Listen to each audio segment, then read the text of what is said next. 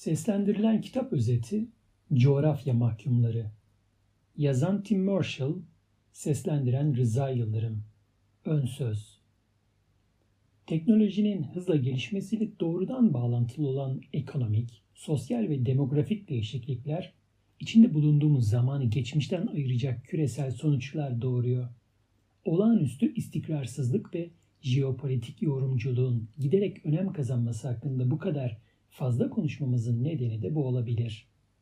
Giriş Vladimir Putin çok dindar bir adam ve Rus Ortodoks Kilisesi'nin büyük bir destekçisi olduğunu söylüyor. Eğer öyleyse her gece yatarken duasını ettikten sonra Tanrı'ya şunu soruyor olabilir. Neden Ukrayna'ya biraz daha serpiştirmedin? Tanrı eğer Ukrayna'ya dağlar bahşetmiş olsaydı Kuzey Avrupa Ovası adındaki muazzam düz arazi Rusya'ya saldırmak isteyenler için bu kadar elverişli bir bölge olmazdı. Durum böyleyken Putin'in hiç şansı yok. Batısındaki düzlükleri kontrol etmek için en azından çaba göstermeli. Bu prensip büyük veya küçük her ülke için geçerli. Tüm liderler ülkelerinin coğrafi şartlarının esiri olmuşlardır. Genelde sanılandan daha az tercihleri ve daha dar manevra alanları vardır. Üzerinde yaşadığımız topraklar bizi her zaman şekillendirdi. Savaşlar, iktidar, siyaset ve artık yer kürenin neredeyse her yerini işgal eden halkların sosyal gelişimi coğrafyasının etkisiyle biçimlendi. Bütüne bakıldığında herhangi bir coğrafi unsur bir diğerinden daha önemli değildir. Dağlar çöllerden, nehirlerden ya da balta girmemiş ormanlardan daha önemli değildir.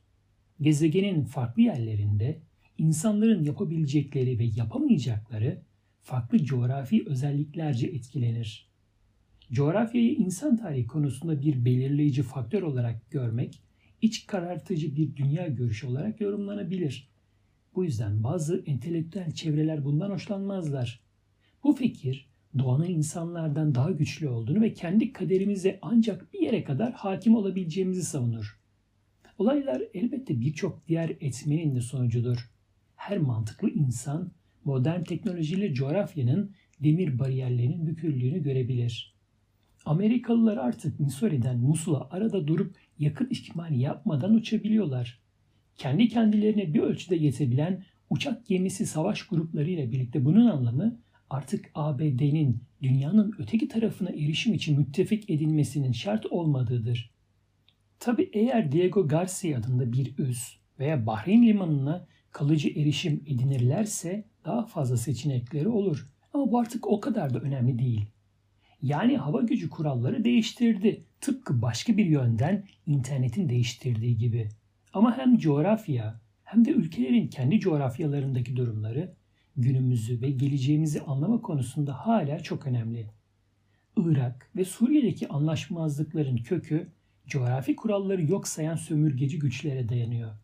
Çin'in Tibet işgali ise coğrafyaya duyulan saygının bir sonucudur. Amerika'nın küresel dış siyaseti coğrafi kurallarla şekilleniyor. Hatta son süper gücün teknolojik dehası ve güç aktarımıyla doğanın veya Tanrı'nın getirdiği kurallar üzerindeki etkisi de oldukça sınırlı. Bu kurallar nelerdir?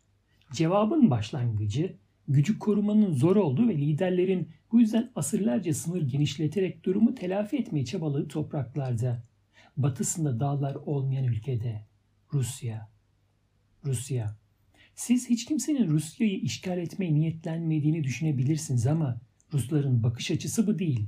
Ruslar Kuzey Avrupa Ovası içi ve çevresinde 33 yılda bir savaşmışlardır. Ruslar 1990'lardan beri NATO'nun düzenli olarak kendilerine yaklaşmasını, Rusların katılımlarını hiç beklemediği ülkelere üye sayısını genişletmesini tedirgince izledi.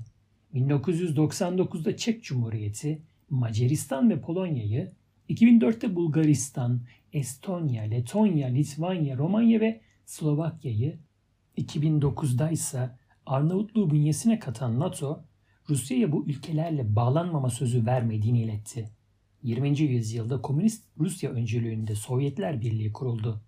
Dünya işçilerinin birleşmesi retoriğiyle hareket eden SSCB aslında açık bir şekilde Rus İmparatorluğu'nun yeniden vücut bulmuş haliydi.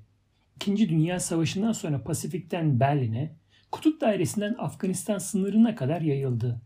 Bu süper gücün ekonomik, siyasi ve asker yönünden tek rakibi ABD'ydi. ABD ve Çin'in iki katı, Hindistan'ın beş katı, Birleşik Krallığın 70 katı genişliğindeki Rusya dünyanın en büyük ülkesi. Ancak buna kıyasla küçük bir nüfusa sahip. 144 milyon yani Nijerya veya Pakistan'dan daha az. Tarımsal üretim sezonu kısıtlı ve Moskova'nın yönettiği 11 saat dilimlik alanda dağıtım konusunda sıkıntı yaşıyor. Urallara kadar uzanan kısmı ile kıta sınırını belirleyen Rusya önemli bir Avrupa gücü ancak Kazakistan, Moğolistan, Çin ve Kuzey Kore ile komşu olmasına ve Japonya, ABD gibi ülkelerle deniz sınırı paylaşmasına rağmen bir Asya gücü değil. ABD eski başkan yardımcısı adayı Sarah Palin aslında buradan Alaska'dan Rusya topraklarını görebiliyorsunuz dediği için alay konusu olmuştu. Medya bu sözü ben evimden Rusya'yı görebiliyorum haline kadar evirip çevirmişti. Palin aslında Rusya topraklarını buradan, Alaska'dan, buradaki bir adadan görebiliyorsunuz demişti. Haklıydı. Bering Boğazı'ndaki bir Rus adası, Boğaz'daki Little Diomet adlı Amerikan adasından 3,5 kilometre uzaklıkta ve çıplak gözle görülebiliyor. Rusya'yı gerçekten de Amerika'dan görebilirsiniz. 1979'da komünizm karşıtı Müslüman gerillalarla savaşan komünist hükümeti desteklemek için yapılan Afganistan işgali, aşırı milliyetçi Rus siyasetçi Vladimir Jirinovski'nin deyimiyle Rus ordusunun postallarını Hint okyanusunun ılık sularında yıkama rüyasına da umut ışığı oldu ve dolayısıyla hiç sahip olmadığı bir şey yaklaştırdı. Kışın suları donmayan ve dünyanın en önemli ticaret rotalarına erişim sağlayan bir liman. Murmansk gibi kutup limanları her yıl aylarca donmuş halde kalıyor. Pasifik Okyanusu'ndaki en büyük Rus limanı olan Vladivostok yaklaşık 4 ay boyunca buzludur ve etrafı Japon deniziyle çevrilidir. Bu da yalnızca ticaret hızını yavaşlatmakla kalmıyor, aynı zamanda Rus filolarının bir küresel güç olarak işlemesine de engel oluyor. Ayrıca Kandahar'ın büyük ovaları ve Hindukuş dağları Afganistan'ın işgalini herkes için imkansız kılmıştır ve bu ülkeye imparatorluklar mezarlığı lakabını kazandırmıştır. Afganistan işgali Rusların Vietnam olarak anıldı. Moskova'nın sıcak sulara inip deniz rotalarına hakim olma hayalleri de bir daha canlanmadı. Şu anda belki de 200 yıldır olmadığı kadar uzak bir hayal. Okyanuslara doğrudan erişim sağlayan bir sıcak su limanına sahip olmamak Rusya'nın yumuşak karnı. Bu konu aslında Kuzey Avrupa Ovası kadar stratejik öneme sahip. Doğal gaz, petrol kaynakları da olmasa Rusya aslında daha da dezavantajlı bir pozisyona sahip olabilirdi. 1725'teki vasiyetinde Deli Petro'nun torunlarına Konstantinopolis ve Hindistan'a mümkün olduğunca yaklaşmalarını tavsiye etmesi de çok doğaldı. Buraları yönetenler dünyanın gerçek hakimleri olacak. Hem Osmanlı'da hem de İran'da sürekli savaş çıkarılmalı. Basra körfezine kadar girilmeli, Hindistan'a kadar ilerlenmeli. Kırım nüfusunun yaklaşık %60'ı etnik Rus. Yani Kremlin zaten açık olan bir kapıyı zorladı. Putin Kiev karşıtı gösterilere yardım sağladı ve o kadar çok çatışmaya ön ayak oldu ki sonunda deniz üstündeki Rus birliklerini durma müdahale ve sokaktaki göstericileri korumak için yollamak zorunda kaldı. Ukrayna ordusunun bölgedeki güçleri aynı anda hem halkla hem de Rus ordusuyla başa çıkabilecek kapasitede değildi. Bu yüzden hemen ortalıktan çekildi. Kırım böylece bir kez daha de facto şekilde Rusya'ya bağlandı. Putin'in Ukrayna'nın toprak bütünlüğüne saygı duymamayı tercih ettiğini söyleyebilirsiniz. Ancak Tanrı'nın Rusya'ya bahşettiği coğrafi şartlar düşünülünce anlaşılıyor ki Putin aslında bu seçeneğe hiç sahip olmamıştı. Kırım'ı kaybeden adam olarak ülkenin tek ılık su limanının elden gitmesinin sorumluluğunu kaldıramazdı. Belçika'ya denk bir toprak parçasını kaybederken kimse Ukrayna'nın yardımına koşmadı. Ukrayna ve komşuları coğrafi bir gerçeğin farkındaydılar. NATO'da değilseniz Moskova yakınınızda ve Washington uzağınızdadır. Ukrayna'nın durumu Rusya için bir varoluş meselesiydi. Batı'nın aksine Kırım'ı kaybetmeyi Moskova göze alamazdı. AB Rusya'ya sınırlı da olsa yaptırım uyguladı. Sınırlı olmasının nedeni Almanya'nın da aralarında bulunduğu bazı Avrupa ülkelerinin ısınma ihtiyaçlarını Rus enerjisiye karşılamalarıydı. Boru hatlarının başlangıç noktası Rusya'da, açma kapama düğmesi Moskova'daydı. Enerji bir siyasi koz olarak önümüzdeki yıllarda karşımıza sıklıkla çıkmaya devam edecek ve Rusya'da eylemlerini meşrulaştırmak için etnik Rus terimini kullanmayı sürdürecek. Nükleer füzeler bir yana bırakılırsa Rusya'nın günümüzdeki en güçlü silahları ordu ve hava kuvvetleri değil, doğal gaz ve petrol.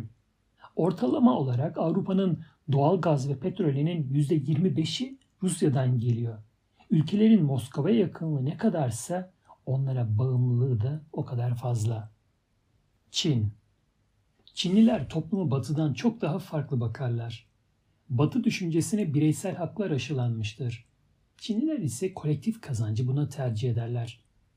Batı'nın insan hakkı olarak düşündüğü şeyler Çin liderliği tarafından çoğunluğu tehlikeye atan teoriler olarak görülür ve halkın büyük kısmı da en azından geniş ailenin bireyden önce geldiğini kabul eder. Bir zamanlar bir Çin büyükelçisini Londra'daki lüks bir Fransız restoranına götürmüştüm. Başbakan Zhou Enlai'nin Richard Nixon'ın sorusuna verdiği meşhur yanıtı tekrarlaması umuduyla Fransız devriminin etkisi ne oldu diye soran Nixon, Enlai'den bir şey söylemek için henüz çok erken yanıtını almıştı. Maalesef öyle olmadı ama adam bana insan hakları denen şeylerin Çin'e nasıl bir yük olduğunu, şiddet olaylarını yaygınlaştırdığını, ölümlere yol açtığını uzun uzun anlattı. Bir de şunu sordu. Neden anlamadığınız bir kültürde sizin değerlerinizin işe yarayacağını sanıyorsunuz? Parti liderleri ve halk arasındaki anlaşma bir kuşaktır şöyle. Biz sizi daha iyi hale getireceğiz. Siz de bizim emirlerimize uyacaksınız. Dünyanın çeşitli yerlerinde milyonlarca Çinli yaşıyor ki aralarında Afrika'da işçilik yapmak için kulübelere toplanmış olanlar da var. Japonya veya ABD ile ciddi bir sorun yaşamazsa Çin için tek büyük tehlike kendisi. Çin kendini küresel ekonominin kollarına bıraktı. Eğer biz satın almazsak onlar da üretmezler. Onlar üretmezse çok büyük işsizlik olur. Uzun süreli ve büyük işsizlikler olursa da Çinlilerin şehirleri doluştuğu bir çağda isyanın boyutları şimdiye kadar görülmediği kadar büyük olur. ABD Eğer lotoyu kazanmış olsanız ve kendinize yaşayacak bir ülke ararsanız, bir emlakçının size göstereceği ilk yer ABD olur. Meksika toprakları ABD kadar verimli değil. Sınırlı olan tarım olanakları, ulaşıma uygun olmayan nehirlere demokrasiden uzak oluş ekleniyordu. Yeni göçmenlerin toprak sahibi olma ihtimali çok azdı. Teksas'a sızma işi de devam ederken Washington 1823'te adını Başkan James Monroe'dan alan Monroe doktrinini uygulamaya koydu. Bu ilanla Avrupalı güçleri artık Batı yarım kürede toprak arayamayacakları veya kaybettikleri topraklar üzerinde artık hak iddia edemeyecekleri söylendi. Aksi takdirde sert sonuçlar olacaktı. 1830'ların ortasında Teksas, Meksikalıları çekilmeye zorlayacak kadar beyaz nüfusa sahip olmuştu. Katolik ve Hispanik nüfus birkaç binden ibaretken protestanların sayısı 20 bini buluyordu. 1835-1836'daki Teksas devrimi ile Meksikalılar eyaletten çıkarıldı ama savaş çok uç uca kazanıldı. Sonuç öteki türlü olsaydı Meksika ordusunun New Orleans'a kadar gelip Mississippi'nin güney ucunu kontrol etmeleri mümkün olacaktı. Bu olay modern tarihin müthiş bıçak sırtı sonuçlarından biridir. Tarihin içinde bulunduğumuz versiyonunda ise Texas Amerika'nın parası, silahı ve fikirleriyle bağımsızlığına kavuştu. 1845'te birliğe katılan eyalet diğerleriyle birlikte 1846-1848'deki Meksika Savaşı'nda saf tuttu. Büyük mağlubiyete uğratılan güney komşularına sınırının Rio Grande'nin güney kıyısındaki kumlar olduğu kabul ettirildi. 1867'de ise Alaska Ruslardan satın alındı. Buraya o zamanlar anlaşmayı imzalayan Dışişleri Bakanı William Seward'ın adını atıfta bulunarak Seward'ın çılgınlığı denmişti. 7.2 milyon dolar ödeme yapan bakana çok yüklenildi ve tenkit edildi. Putin'in Rusyası'nın son zamanlardaki yükselişi Amerika'nın başına dert açsa da önemli bir tehdit olabilmiş değil. Başkan Obama 2014'te Rusya'yı yalnızca bölgesel bir güç olarak tarif ettiğinde Rusları gereksizce tahrik etmiş olabilir ama haksız değildi. Rusya'nın coğrafi hapishanesinin parmaklıkları hala yerli yerinde. Küresel deniz yollarına ulaşım sağlayabilecek bir sıcak su limanı da yok. Savaş zamanı Baltık ile Kuzey denizleri veya Karadeniz ile Akdeniz aracılığıyla Atlantik'e ulaşabilecek askeri kapasiteye sahip değil. ABD 2014'te Ukrayna'daki hükümet değişiminde kısmen rol oynamıştı. Demokrasi dünyaya daha da yaymak ve Ukrayna'yı Rus etkisinden uzaklaştırarak Putin'i bir nebze zayıflatmak amacındaydı. Washington son 10 yıl içinde Irak ve Afganistan'la uğraşırken Rusya'nın yakın yabancı topraklarda fırsattan istifade ettiğinin farkında. Kazakistan'da kendine sağlam bir yer edinen Rusya, Gürcistan'dansa toprak aldı. Rusya Amerikalılar için artık daha çok Avrupa'yı ilgilendiren bir sorun. Her ne kadar bir gözleri onların üzerinde olsa da. Bu da Çin'i bırakıyor ve Çin yükselişte. Son 10 yıl içinde yazılan çoğu analiz 21. yüzyılın ortasına doğru Çin'in ABD'yi geçerek en büyük süper güç olacağını öngörüyor. ABD hükümeti dış politika stratejistlerinin çoğu 21. yüzyıl tarihinin Asya'da ve Pasifik'te yazılacağına ikna olmuş durumda. Dünya nüfusunun yarısı orada yaşıyor ve Hindistan da dahil edilirse 2050'de küresel ekonominin yarısının burada üretilmesi bekleniyor. Yani ABD'nin bölgedeki varlığını ve niyetini belli etmek için zaman ve parasını Doğu Asya'ya kaydırdığını göreceğiz. 30 yıldır ABD'nin ani veya süre gelen çöküşünü tahmin etmek çok modaydı. Bu bakış açısı şimdi de en az geçmişte olduğu kadar yanlış. Gezegenin en başarılı ülkesi enerji konusunda kendine yeter hale gelmek üzere ayrıca ekonomik güç bakımından rakipsizliğini sürdürüyor ve ordusunun argesi için diğer tüm NATO ülkelerinin harcamasının toplamından fazlasını harcıyor. Avrupa ve Japonya gibi nüfusu yaşlanmıyor ve 2013'teki Gallup araştırmasına göre göç düşünen insanların dörtte biri ilk hedefleri olarak ABD'yi belirlemiş. Şangay Üniversitesi uzmanlarının dünyadaki en iyi 20 üniversite sıralamasında 17 Amerikan üniversitesi yer aldı. Prusyalı devlet adamı Otto von Bismarck bir asırdan uzun süre önce şu çift anlamlı sözü sarf etti. Tanrı sarhoşlara, çocuklara ve Amerika Birleşik Devletleri'ne özenle bakıyor. Bu hala doğru gibi görünüyor. Batı Avrupa. Modern dünyanın kaynağı hangi açıdan bakılırsa bakılsın Avrupa'dır. Kuzey Avrupa ülkeleri uzun asırlar boyunca güneydekilerden daha zengin oldular. Güneyden daha hızlı sanayileşen kuzey, ekonomik bakımdan daha başarılı oldu. Batı Avrupa'nın merkezini kuzeydeki ülkeler oluşturduğu için onların ticaret bağlarını sürdürmesi daha kolay oldu. 2012'de Avrupalı mali kurtarma paketleri başladığında ve Yunanistan'ın ABD'ye kalması için tasarruf tedbirleri düzenlendiğinde coğrafi ayrım kısa sürede gözler önüne serildi. Bağışçılar ve tasarruf tedbirlerini talep edenler kuzey ülkeleri, yardım alanlar ve tasarruf yapanlarsa güney ülkeleriydi. Ne tesadüf ki korona salgını günlerinde de aynı senaryo işlendi. İtalya'nın yardımına tuzu kuru AB ülkeleri başta Almanya olmak üzere olumlu yaklaşımda bulunmadılar. Halit Yıldırım Avrupa ailesi fikrinde çatlaklar oluşmaya başlamış gibi duruyor ve bunun tek nedeni Brexit değil. Milattan sonra bin yılı civarında ortaya çıkan Polonya'nın sürekli şekil değiştirdiğini, yok olup tekrar belirdiğini ve son halini 20. yüzyılın sonlarında ancak aldığını görürsünüz. Almanya ve Rusya'nın konumlarına Polonya'nın bu iki ülkeyle yaşadıklarını da eklediğinizde bu ülkeler arasında bir ittifak olması pek kolay olmuyor.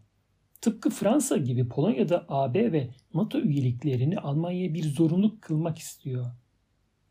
Ayrıca Ukrayna kriziyle birlikte Polonya'nın çok da unutulmuş sayılmayan, yüzyıllarca tekrar tekrar çektiği Rus korkusu yine yüzeye çıktı. Sovyet-Rus İmparatorluğu'nun sonundaki cezirden sonra neyin geleceği çok da sürpriz değil. Britanya ile ilişkiler AB içinde Almanya'ya karşı bir denge ağırlığı olarak çok da pürüzlü olmadı. Üstelik 1939'daki ihanete rağmen Britanya ve Fransa olası bir Alman işgalinde Polonya'nın yardımına koşacaklarını garanti eden bir anlaşma imzalamışlardı. Ama saldırı geldiğinde öyle olmadı. Polonya Naziler tarafından yutulurken iki müttefik Fransa'nın Maginot hattının ardında kaldı. Buna rağmen Polonya'nın Birleşik Krallık'la ilişkileri şu an güçlü. Her ne kadar 1989'da bağımsızlığını yeni kazanan Polonya'nın aradığı ilk müttefik ABD olmuşsa da. Amerikalılar Polonyalıları kollarını iki yana açarak karşıladılar ve karşılığını da aldılar. İki tarafın da aklında Ruslar vardı. 1999'da NATO'ya katılan Polonya, ittifakın sınırlarını Moskova'nın 650 kilometre yakınına kadar getirmiş oldu. Halihazırda eski Varşova Paktı üyelerinden bazıları NATO'ya kazandırılmıştı. Rusya, müttefiki Sırbistan'a 1999'da NATO tarafından müdahale edilmesini çaresizce izledi. 1990'larda Batı Avrupa'ya karşılık verebilecek bir hali olmayan Yeltsin'in kaos yıllarından sonra Putin'in başa geçmesiyle ön kapıdan dışarı çıktı ve endamını sergiledi. Henry Kissinger'e atfedilen en meşhur özlü söz 1970'lerde bir muhabirin sorusuna verdiği cevaptır. Eğer Avrupa'ya telefon açmak istiyorsam kimi ararım? Polonyalılar daha güncel bir soruya sahip. Eğer Ruslar bizi tehdit ederse Brüksel'i mi aramalıyız yoksa Washington'ı mı? 1990'lardaki savaşları arkalarında bırakan eski Yugoslav ülkelerinin çoğu yüzünü batıya döndü. Ancak Ortodoksluk ve Slavlık temsilciliğinin etkisiyle Sırbistan'ın doğuyla bağları hala sağlam görünüyor. 1999'da Sırbistan'ın bombalanması ve Kosova'nın bağımsızlığı konusunda Batı'yı hala affetmeyen Rusya, Sırbistan'ı dil, etnik köken, din ve enerji anlaşmalarının çekim gücüyle yörüngesine tutmaya çalışıyor. Bismarck sonradan çok meşhur olan sözünde Balkanlardaki bir ahmak yüzünden büyük bir savaş çıkabileceği yorumunu yapmış ve haklı çıkmıştı. Bölge artık AB, NATO, Türkiye ve Rusya'nın söz sahibi olabilmek için karşı karşıya geldikleri ekonomik ve diplomatik bir savaş meydanına döndü. Arnavutluk, Bulgaristan, Hırvatistan, Slovenya ve Romanya tercihlerini kullandılar ve NATO'ya dahil oldular. Alman ulus devleti 150 yaşından büyük olmasına rağmen artık Avrupa'nın vazgeçilmez gücü. Ekonomik ilişkilerde rakipsiz. Sessizce konuşuyor ama elinde avro şeklinde bir sopayla geziyor. Kıta da onu dinliyor. Bununla birlikte Almanya küresel konularda çok sessizce konuşuyor bazen. Hiç ağzını açmıyor ve sert argümanlardan kaçıyor. Mültecilere karşı ön yargılar Avrupa'nın son yıllarda yaşadığı gibi ekonomik durgunluklarda hep yükselir. Bu durumun etkileri İngiliz kanalının karşı kısmında sadece siyasi partilerin yükselişiyle net bir şekilde görüldü. Milliyetçi hislerin popülerliği AB'yi yıpratmaya başladı. İsveç'in 50 yıldır ilk kez 2016'nın başında Danimarka'dan gelen ziyaretçilerin belgelerini kontrol etmeye başlaması net bir örnek oldu. Bu geniş Orta Doğu'dan Kuzey Avrupa'ya akan büyük sayıdaki mülteci ve göçmenlere ayrıca Kasım 2015'te Paris'te yaşanan IŞİD saldırısına doğrudan bir karşılıktı. AB'nin 26 ülkesinde sınır olmadan hareket edebilmeyi sağlayan Schengen bölgesi fikren ağır darbeler aldı. Çünkü farklı ülkeler farklı zamanlarda güvenlik bahaneleriyle sınır kontrollerini yeniden başlattılar. Bir tıkanıklık olmasından çekinen Danimarka da artık Almanya'dan gelen insanları kontrol etmeye başladı. Tüm bunların ekonomik bir bedeli var. Yolculuk yapmayı zorlaştıran bu durum daima yakın birlik kalıbına hem fiziksel hem kavramsal bir saldırı. Avrupa'nın geleneksel beyaz nüfusu grileşiyor. Nüfus tahminleri ters çevrilmiş piramitler gösteriyor. Yaşlılar tepede, onlara bakacak veya vergi ödeyecek genç insanlarsa yetersiz sayıda aşağıda. Ancak bu tahminler içinde büyüdüğü dünyadaki hızlı değişimleri ayak uydurmakta zorlanan yerli Avrupa nüfusu nezdinde göçmen karşıtlığının gücünü bir nebze olsun kıramadı. Bu demografik değişim ulus devletlerin dış politikalarında özellikle de Orta Doğu konusunda etkili oluyor. Örneğin Irak Savaşı ve İsrail-Filistin çatışması gibi konularda Avrupa hükümeti en azından politika üretirken Müslüman vatandaşlarının hislerini dikkate almalılar. Avrupa ülkelerinin karakterleri ve yerel sosyal normları da etkilendi. Kadın hakları ve kadınların örtülmesi kutsal değerlere hakaret kanunları, ifade özgürlükleri ve diğer birçok konu Avrupa şehirlerinde büyük sayıda Müslüman gelmesiyle tartışmaya açık hale geldi. Voltaire'in özdeyişi fikirlerinize katılmasam da onları ifade edebilmeniz için canımı veririm. Bir zamanlar tartışmasız bir gerçekti. Artık birçok insanın sırf ağzından çıkanlar başkalarını gücendirdiği için hayatını kaybetmesinden sonra bu tartışma değişti. Dini hakaretin sınırı aşma ve hatta suç işleme kapsamına alınması gerektiği de çokça konuşulan bir fikir. Daha önce Voltaire'i tamamen destekleyebilecek olan liberallerin aksine kıtada artık göreli taraftarlığı gölgesi var. 2015'te satirik Fransız dergisi Charles Hebdo çalışanlarının katledilmesi geniş kitlelerden ciddi tepkiler görmüştü. Ama liberal kınamanın bazı kısımlarında karikatüristler de fazla ileri gitmiş olabilir vurgusu hissediliyordu. Bu da Avrupa'nın modern çağ için yeni bir şey ve kültür savaşlarının bir parçası. Avrupa'nın siyasi kurumları aleyhindeki tutumları körükleyen de işte bu savaşlar. NATO da Avrupa Birliği ile aynı zamanlarda etkinliğini yitirmeye başlıyor. İki kurum da kurtarılabilir durumda ama aksi takdirde zamanla işlevsiz, gereksiz kaçacak gibi duruyorlar.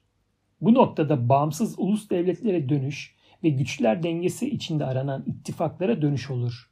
Almanlar bir kez daha Ruslar ve Fransızlar tarafından sıkıştırılmaktan korkar, Fransızlar kendilerinden büyük komşularından yine ürkerler ve 20. yüzyılın başını bir daha yaşarız.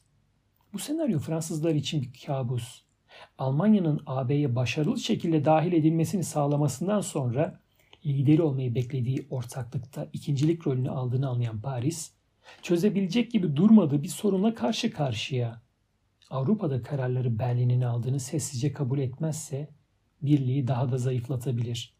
Alman liderliğine biat ederse de kendi gücünü yok eder.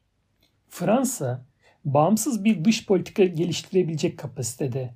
Nükleer gücünün caydırıcılığı, deniz aşırı bölgeleri ve uçak gemileriyle desteklenen silahlı kuvvetleriyle dış işlerinde bağımsız davranan Fransa, elbette doğusunun güvende olduğunu ve gözlerini rahatça ufka dikebileceğini bildiği için bunu yapabiliyor. Hem Fransa hem Almanya şu an birliği bir arada tutabilmek için çalışıyor. İki ülke birbirini doğal ortak görüyor. Ama sadece Almanya'nın B planı var. Rusya. Afrika. Afrika kıyıları harika kumsallar. Gerçekten aşırı güzel kumsallar ama berbat doğal limanlar. Nehirler. Büyüleyici nehirler var gerçekten ama çoğu üzerinde herhangi bir taşımacılık yapılmasına elverişli değil. Çünkü her birkaç kilometrede bir şelaleye denk geliyorsunuz. En anlaşılır yazarlardan biri olan Jared Diamond, 2005'te National Geographic'e yazdığı mükemmel makalede şu yorumu yaptı. Mahalleden ilk kaçandan beklenenin tam tersi bir örnek var burada. Ancak ilk kaçanlar Sahra Çölü, Hint ve Atlantik okyanusları ile diğer herkesten ayrıldılar. Neredeyse tüm Afrika fikirlerin ve teknolojinin doğudan batıya, batıdan doğuya paylaşıldığı ama kuzeyden güneye akış olmayan Avrasya kıta parçasından izole halde büyüdü. Devasa bir kıta olan Afrika her zaman farklı bölgelere, iklimlere ve kültürlere ev sahipliği yaptı ama hepsinin ortak özelliği birbirlerinden ve dış dünyadan kopuk olmalarıydı. Durum artık eskisi kadar vahim olmasa da miras devam ediyor. Dünyada genellikle Afrika coğrafyası hakkında yanlış bir kanı var. Çok az insan buranın ne kadar büyük olduğunu biliyor. Bunun nedeni de çoğumuzun standart Mercator haritası kullanması. Diğer haritalar gibi Mercator da bir küreyi düz bir yüzeyde betimliyor. Yani şekilleri bozuyor. Afrika gösterildiğinden çok daha büyük ki bu da Ümit Burnu'nun etrafından dolaşılmasının aslında ne kadar büyük bir başarı olduğunu gösteriyor. Ayrıca Süveyş kanalının dünya ticareti için önemini hatırlatıyor. Ümit Burnu'nun etrafından dolaşmak muazzam bir başarıydı ama bunu yapmak önemsiz olduğunda Batı Avrupa'dan Hindistan'a ulaşan deniz yolculuğu 9500 kilometre kısaldı. Bir dünya haritasına bakıp Alaska'yı Kaliforniya'ya yapıştırdıktan sonra ABD'yi ters düz ederseniz kıta sanki birkaç girinti çıkıntı hariç Afrika kıyılarına uyumlu gibi olur. Afrika aslında ABD'den 3 kat daha büyüktür. Standart Mercator haritasına bir kez daha bakarsanız Grönland'ın Afrika ile aynı büyüklükte olduğunu görürsünüz ama Afrika aslında Grönland'ın 14 katıdır. ABD, Grönland, Hindistan, Çin, İspanya, Fransa, Almanya ve Birleşik Krallığı Afrika'ya sığdırabilirsiniz ve geriye Doğu Avrupa'nın çoğu kısmı için hala yer kalır. Afrika'nın devasa bir kara parçası olduğunu biliyoruz ama haritalar genellikle kıtanın hakkını veremiyor. İnsanın kökeni Afrika'dan geldiğine göre hepimiz Afrikalıyız. Tabii M.Ö. 8000'de Orta Doğu ve Akdeniz bölgelerine göç eden atalarımız bir süre sonra seyahat tutkularını kaybederek yerleşik hayata geçti. Tarıma başladı ve sonunda kasabalarla şehirleri oluşturarak yarışın kurallarını değiştirdi. Ama Afrika'daki bitkilerin çok azı, hayvanların daha azı evcilleştirilebiliyordu. Toprakların çoğu orman, bataklık, çöl veya kenarları çok eğimli platolardan oluşuyordu ve bu arazilerin hiçbiri tahıl, pirinç üretimine izin vermiyor, sığır beslemiyordu. Afrika'nın gergedanları, ceylanları, zürafaları inatla yük hayvanı olmayı reddediyorlardı. Diamond ünlü bir metninde şöyle yazar. Afrika orduları eğer çiftlik zürafası eti yeseydi ve arkalarında devasa gergedanlara binmiş süvarilerle korunuyor olsaydı, Avrupa'ya girerek koyun etiyle beslenip zayıf atlılara binen askerleri mahveder, bambaşka bir tarih yazarlardı. Ama ortak hikayemizde Afrika'nın önden gidişi, kıtayı günümüzde bile geri bırakan bir şeyin gelişmesi için zaman tanıdı. Sıcağın etkisiyle oluşan ve kalabalık yaşamın zayıf sağlık hizmetlerinin etkisiyle yayılan sıtma, sarı humma gibi tehlikeli hastalıklar. Dünyanın diğer bölgelerinde de benzer durumlar görülse de özellikle Sahra Altı Afrikası HIV benzeri bu hastalıklardan çok darbe aldı ve sivrisineklerin, çeçe sineklerin çokluğu tek başına bir sorun. Güney Afrika, Çin'in Afrika'daki en büyük ticaret ortağı. Uzun siyasi ve ekonomik geçmişleri olan iki ülke birlikte iş yapabilmek için de iyi konumdalar. Güney Afrika ekonomisi kıtada Nijerya'dan sonra ikinci sırada. Ekonomi Angola'nın 3 katı, ordu ve nüfus 53 milyon bakımından güneydeki en büyük güç olduğu kesin bu kadar güneyde olması ve kıyı ovalarının kısa mesafelerde dağlara dönüşmesi, sivrisineklerin burada üremesine pek izin vermiyor ve Güney Afrika'yı sıtma hastalığından çekmeyen nadir Afrika ülkeleri arasına sokuyor. Geçmişin Afrika'sına hiçbir şans verilmemişti. Coğrafya ona şekil vermişti. Sonra da Avrupalılar gelip bugünkü sınırları büyük ölçüde kendileri tasarlamışlardı. Şimdi patlayan nüfusu ve gelişen mega şehirleriyle kıtanın artık güzelce bağlandığı modern ve küreselleşmiş dünyayı kucaklamaktan başka bir şansı yok. Ve bu konuda gördüğümüz tüm sorunlara rağmen büyük adımlar atılıyor. Ticareti engelleyen nehirler şimdi hidroelektrik santraller için kullanılıyor. Büyük ölçekli gıda üretimi sağlanamayan topraklardan mineral ve petrol çıkarılıyor. Karın çok azı halka kalsa da bazı ülkeler bu sayede zengin oluyor. Yine de hepsi olmasa da çoğu Afrika ülkesinde fakirlik seviyeleri düşerken sağlık ve eğitim hizmetlerinde yükseliş var. Birçok ülkede İngilizce konuşuluyor ki İngilizcenin hakim olduğu bir küresel ekonomide bu müthiş bir avantaj ve kıta geçen 10 yılın büyük kısmında ekonomik büyüme yaşadı. Orta Doğu.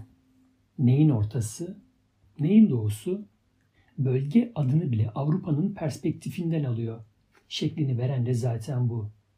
Osmanlı İmparatorluğu çöküşe geçtiğinde Britanya ve Fransa farklı bir fikre sahipti. 1916'da Britanyalı diplomat Albay Sir Mark Skies bir yağlı kalem çıkardı ve Orta Doğu haritası üzerinde kabaca çizgiler çizdi.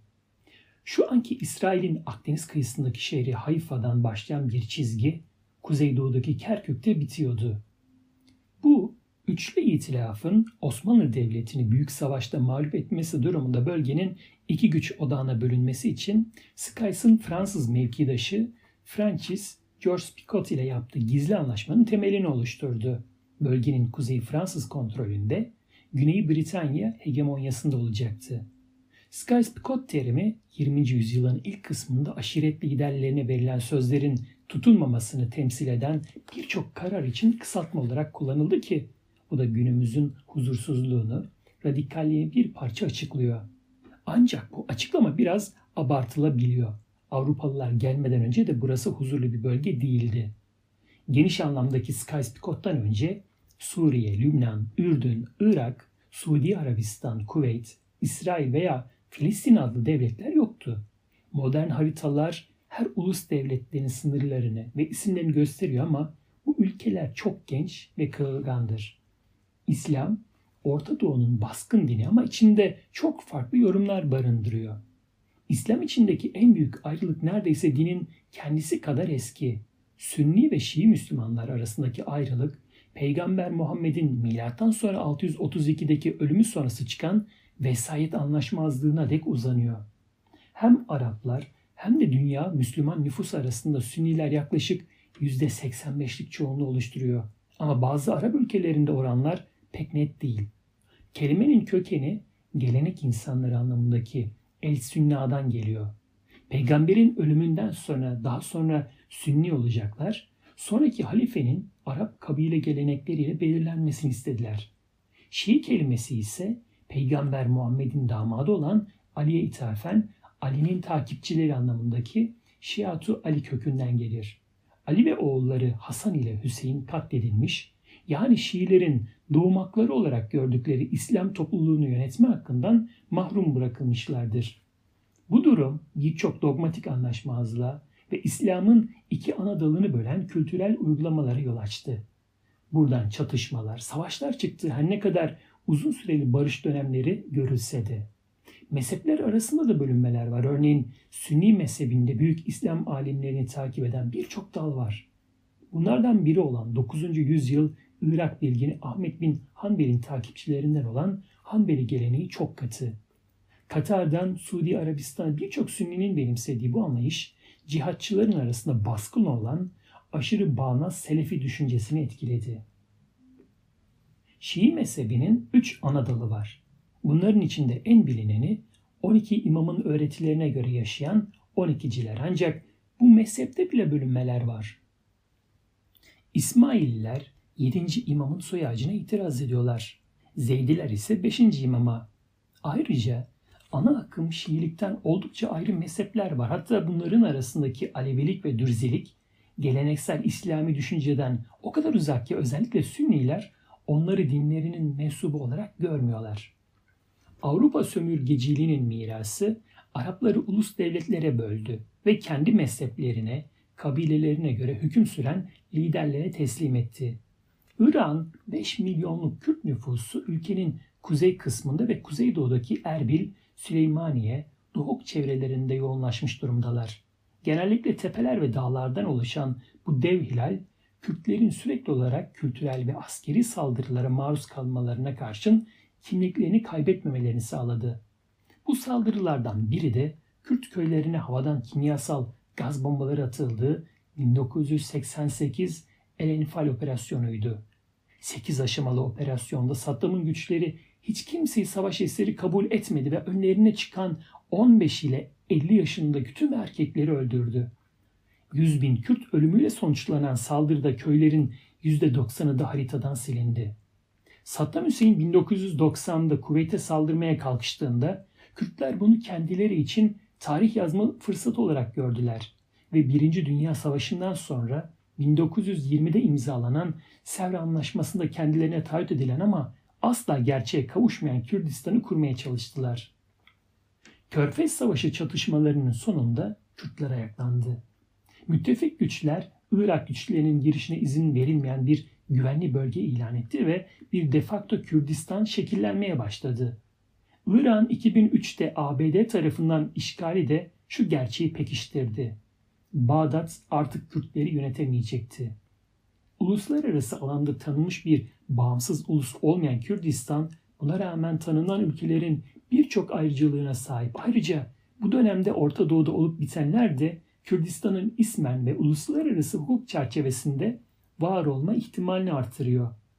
Çok sorulan sorulardan bazıları şekli nasıl olacak? Suriye, Türkiye ve Irak eğer kendi Kürt bölgeleri de yeni ülkeye katılmak isterler ve böylece Akdeniz'de erişimi olan bir Kürdistan yaratmaya çalışırlarsa nasıl tepki verecekler? 1967'deki 6 gün savaşında İsrailliler tüm Kudüs'ün, Batı Şeria'nın ve Gazze'nin kontrolünü ele geçirdiler. 2005'te Gazze'yi terk ettiler ama yüz binlerce İsrailli yerleşimci hala Batı Şeria'da. İsrail Kudüs'ü sonsuz ve bölünmez başkenti görüyor. Yahudi dini İbrahim'in İsmail üzerinde kurban etmeye hazırlandığı taşın yücelerin yücesi denen Süleyman Tapınağı'nın üstünde durduğunu söylüyor. Filistinliler için Kudüs tüm İslam dünyası için derin anlamlar taşıyan bir dini sembol. Hazreti Muhammed'in de aynı taşın üstünden cennete yükseldiğine inanıldığı için burası İslam'ın en kutsal üçüncü şehri kabul ediliyor. Ve bu söz konusu taş şu an Mescid-i Aksa ismiyle anılan mekanda bulunuyor. İran üç tarafındaki dağlar ile dördüncü yanındaki bataklık ve su tarafından korunuyor.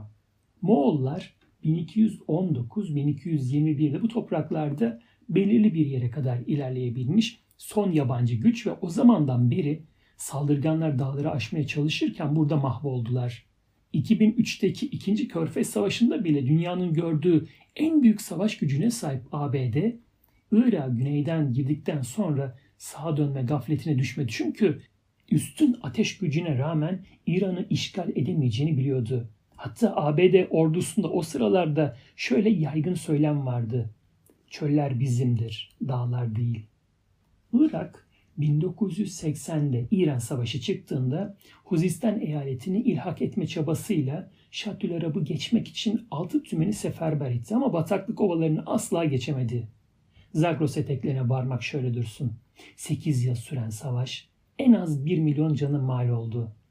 İran'ın dağlık arazisi ülke içinde birbirine bağlı bir ekonomiye izin vermiyor ve kendilerine has keskin özellikleri olan sayısız azınlık grubun yapısını korumasını sağlıyor. Tahran kimsenin İran'ı işgal etmeye kalkışmayacağının farkında ama düşman güçlerin azınlıkları kullanarak huzursuzluk çıkarabileceğini, İslam devrimini tehlike atabileceğini de biliyor. İsrail başta olmak üzere birçok ülke İran'ın nükleer sanayisini silah yapımına hazırlık için kullandığını düşünüyor. Bu da bölgedeki gerilimi artırıyor. İsrailliler bu ihtimalle kendilerini tehdit altında hissediyorlar. İran'ın batısında hem Avrupalı hem Asyalı olan bir ülke var. Türkiye, Arap topraklarının sınırlarında ama Arap değil. Kendi topraklarının büyük bir kısmı Büyük Orta Doğu bölgesi dahilinde olmasına rağmen buradaki çatışmalardan kendini uzak tutmaya çalışıyor. Türkler kuzey ve kuzeybatı komşuları tarafından hiçbir zaman samimi şekilde Avrupalı olarak görülmediler.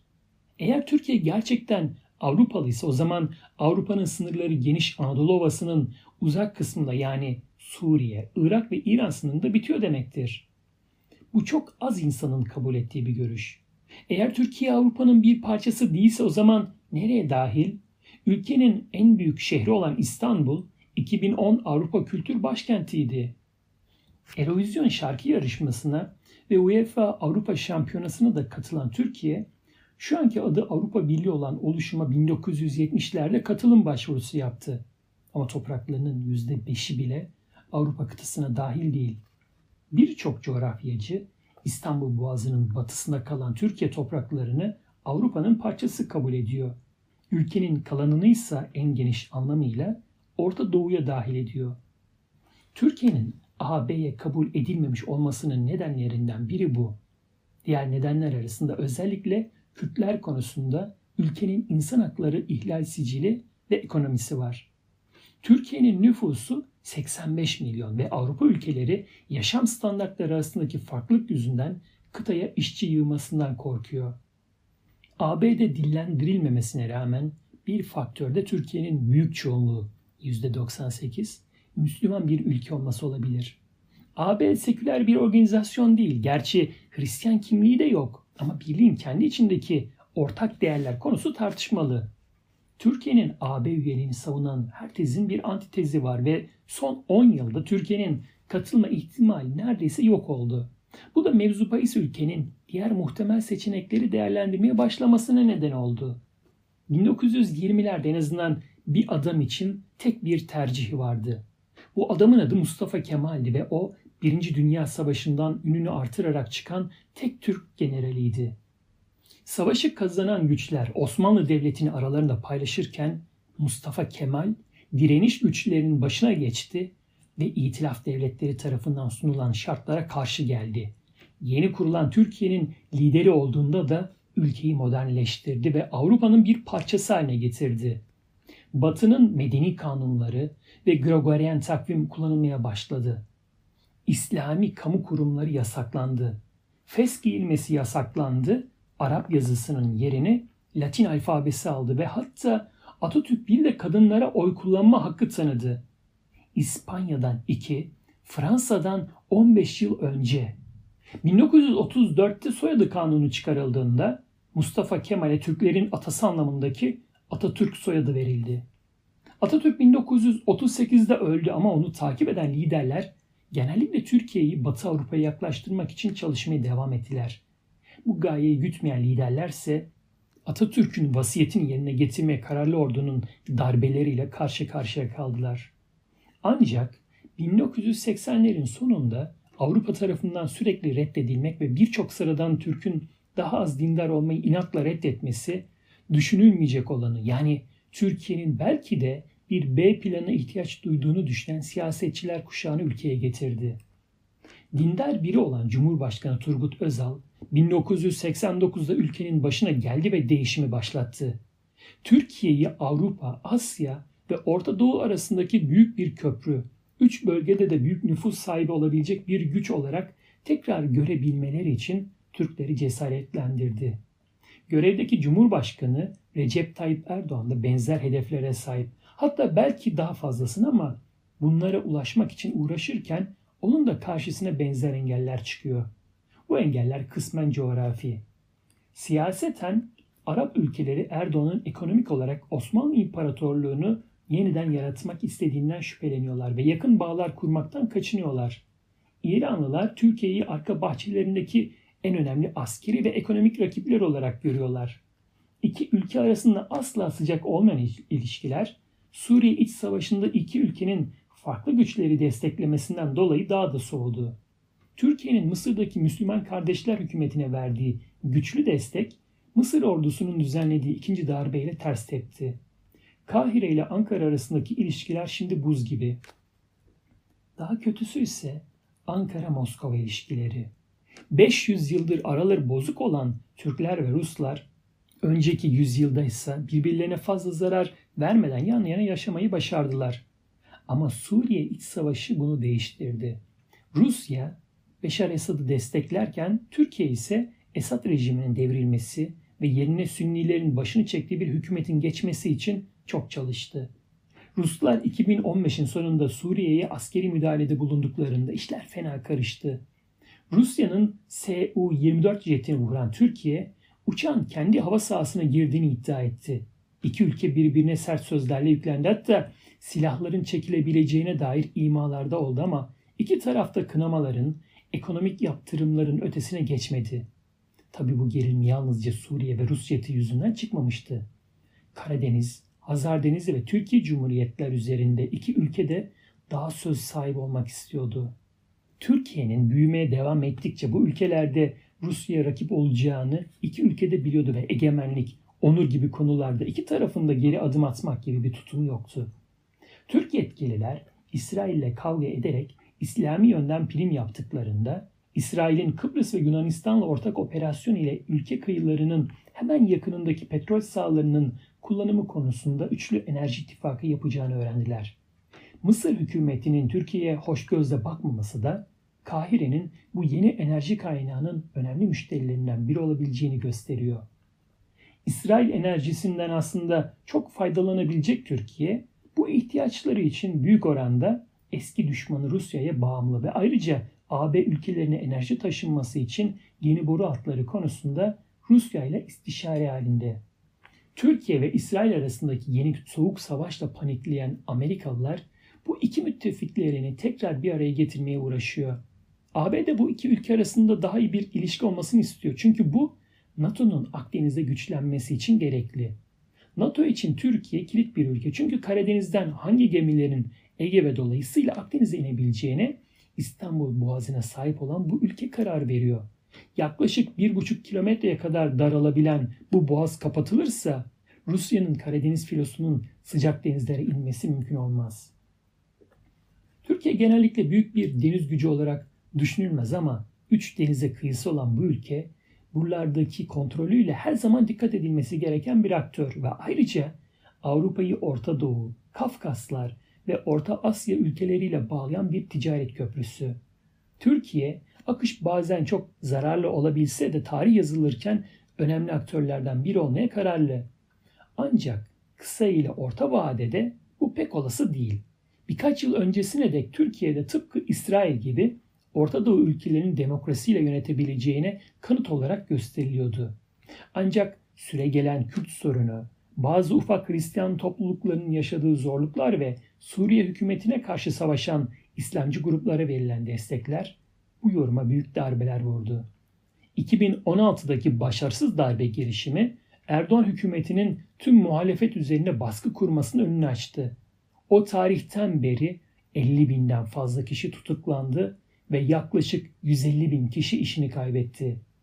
Cumhurbaşkanı Erdoğan'ın Yahudiler, ırk ve cinsiyet eşitliği konularındaki yorumları Türkiye'nin giderek daha da İslamcılaşmasıyla birlikte ele alındığında endişeleri daha da artırıyor. Ancak Arap ülkelerinin çoğuyla kıyaslandığında Türkiye çok daha gelişmiş bir ülke ve bir demokrasi olarak tanımlanabilir halde. Erdoğan Atatürk'ün yaptıklarının bir kısmını yıkıyor olabilir ama Türklerin atasının torunları Arapların Orta Doğu'sundaki herkesten daha özgürce yaşıyor. 2. 2 ile 7 yaş arasındaki küçük çocuk. Dilin ortaya çıkmasıyla birlikte davranışlar zeka yönünden olduğu kadar duygu açısından da temelde değişir. Önceki dönem boyunca gerçek ya da maddi tüm edimlerin yöneticisi kalan çocuk, dil sayesinde ve anlatı biçimi altında tüm edimlerin yöneticisi kalan çocuk, dil sayesinde ve anlatı biçimleri altında geçmişteki edimlerini yeniden kuracak ve sözel temsilleme ile gelecekteki edimlerini önleyecek duruma gelir.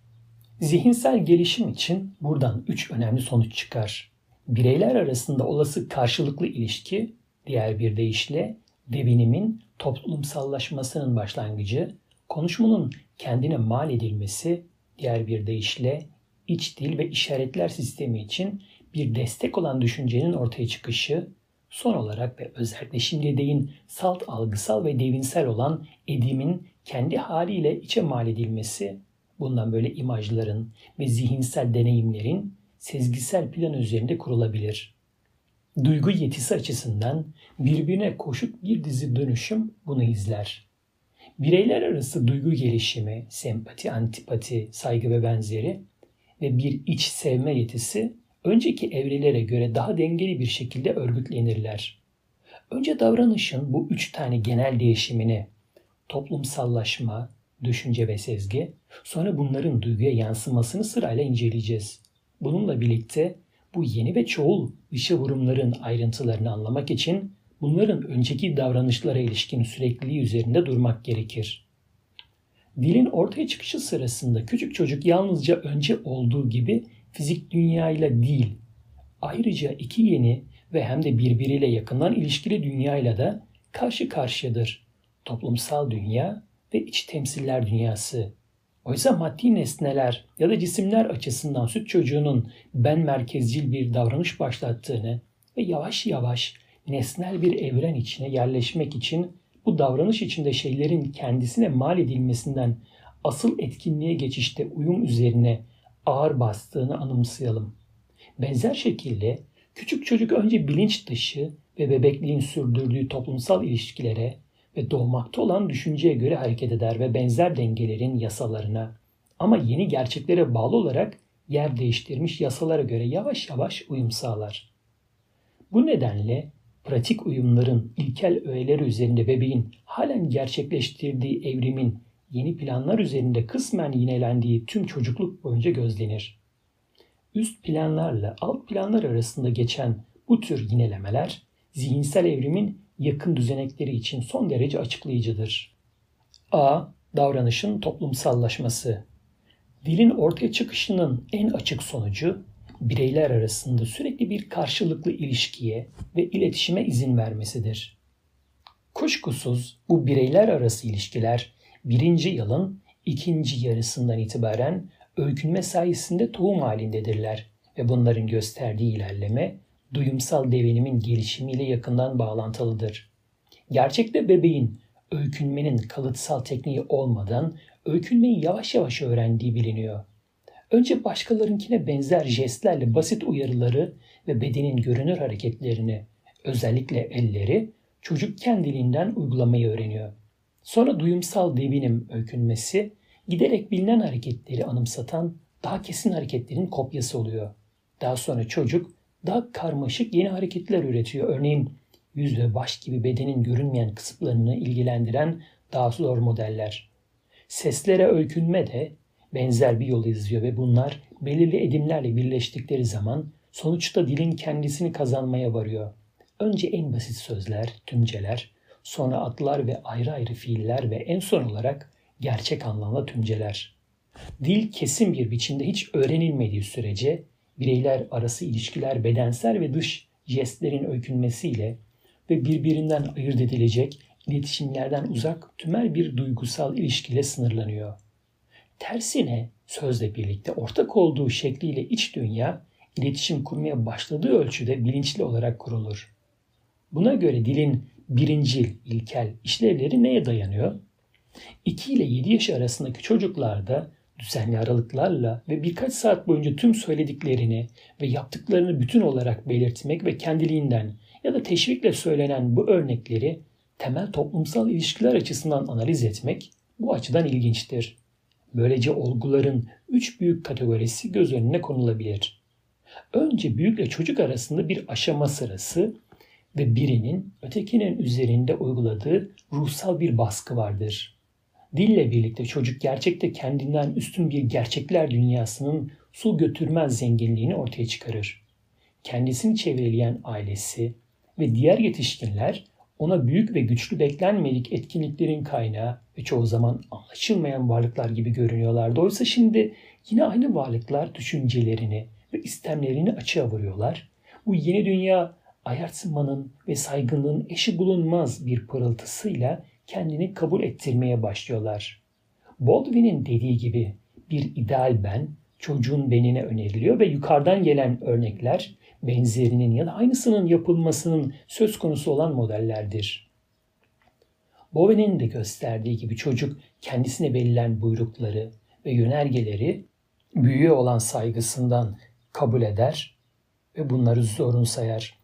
Ama bu kesin boyun eğme özünün dışında bile çocuk yetişkinin uyguladığı ruhsal, manevi baskıdan ileri gelen bir dizi bilinç dışı, zihinsel ve duygusal boyun eğme biçimleri geliştirir. İkinci olarak yetişkinin kendisiyle ya diğer çocuklarla karşılıklı ilişkiler vardır. Bu bireyler arası ilişkiler de devinimin gelişmesinde kesin bir rol oynarlar. Çocuklar asıl edimleri dile getirdikleri ve geçmiş edimleri anlattıkları ölçüde maddi davranışları düşünceye dönüştürürler. Janet'in dediği gibi bellek anlatıya, düşünme tartışmaya, inanç yükümlülüğe ya da söz vermeye ve düşünce iç ya da dış tüm dile bağlıdır. Yukarıda sözünü ettiğimiz aykırılıklar yalnız ve burada kendini gösteriyor. Çocuk tüm düşüncesini birden iletebiliyor mu? Ve diğerlerinin görüşüne kolayca katılabiliyor mu? Ya da gerçek bir işbirliğine ulaşmak için toplumsallaşmayı öğrenmek gerekli mi? Kendiliğinden dilin bu noktada analizini yapmak bizim için öğretici olur.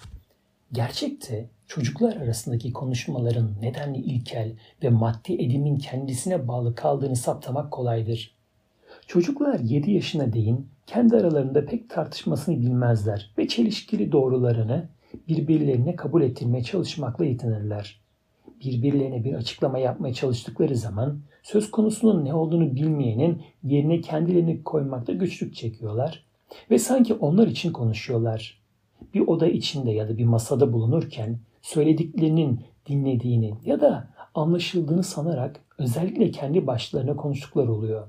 Bu tür ortaklaşa monolog gerçek düşünce alışverişinden çok karşılıklı devinimi uyarmaktan ileri geliyor. Son olarak çocuklar arasındaki bu dil karakterinin ortaklaşa ya da kurallı oyunlarda bulunduğunu da söyleyelim. Örneğin bir bilye oyununda yetişkinler aynı kurallara uyarlar ve tek tek oynadıkları oyunu diğerlerine göre ayarlarlar. Oysa küçükler yanındakilerinin kurallarıyla ilgilenmeden kendileri için oynarlar. Buradan üçüncü bir kategori çıkar. Küçük çocuk yalnızca diğerleriyle konuşmaz. Kendi oyunlarına ve devinimlerine eşlik eden sürekli değişik monologlarla da kendi kendine konuşur. Daha sonra yetişkin bireyin sürekli iç diline benzeyen bu söylenme, yüksek sesle söylenmesiyle ve anında ona eşlik eden bir edinim yardımcı karakteriyle ondan ayrılır. Ortaklaşa monologlar gibi bu gerçek monologlar da 3 ile 4 yaşındaki çocuklar arasında kendiliğinden konuşulan dilin üçte birinden çoğunu oluşturur ve 7 yaşına doğru düzenli olarak azalır.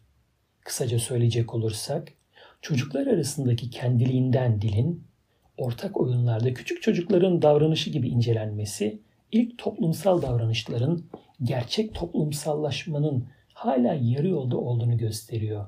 Diğerleriyle eşgüdüm sağlamak için kendi görüşünün dışına çıkmak yerine birey hala bilinçsiz olarak kendine yönelmiş kalır. Toplumsal grup karşısındaki bu ben merkezcilik daha önce sözünü ettiğimiz süt bebeğinin fiziksel dünya karşısındaki ben merkezciliğini yeniden üretiyor ve uzatıyor.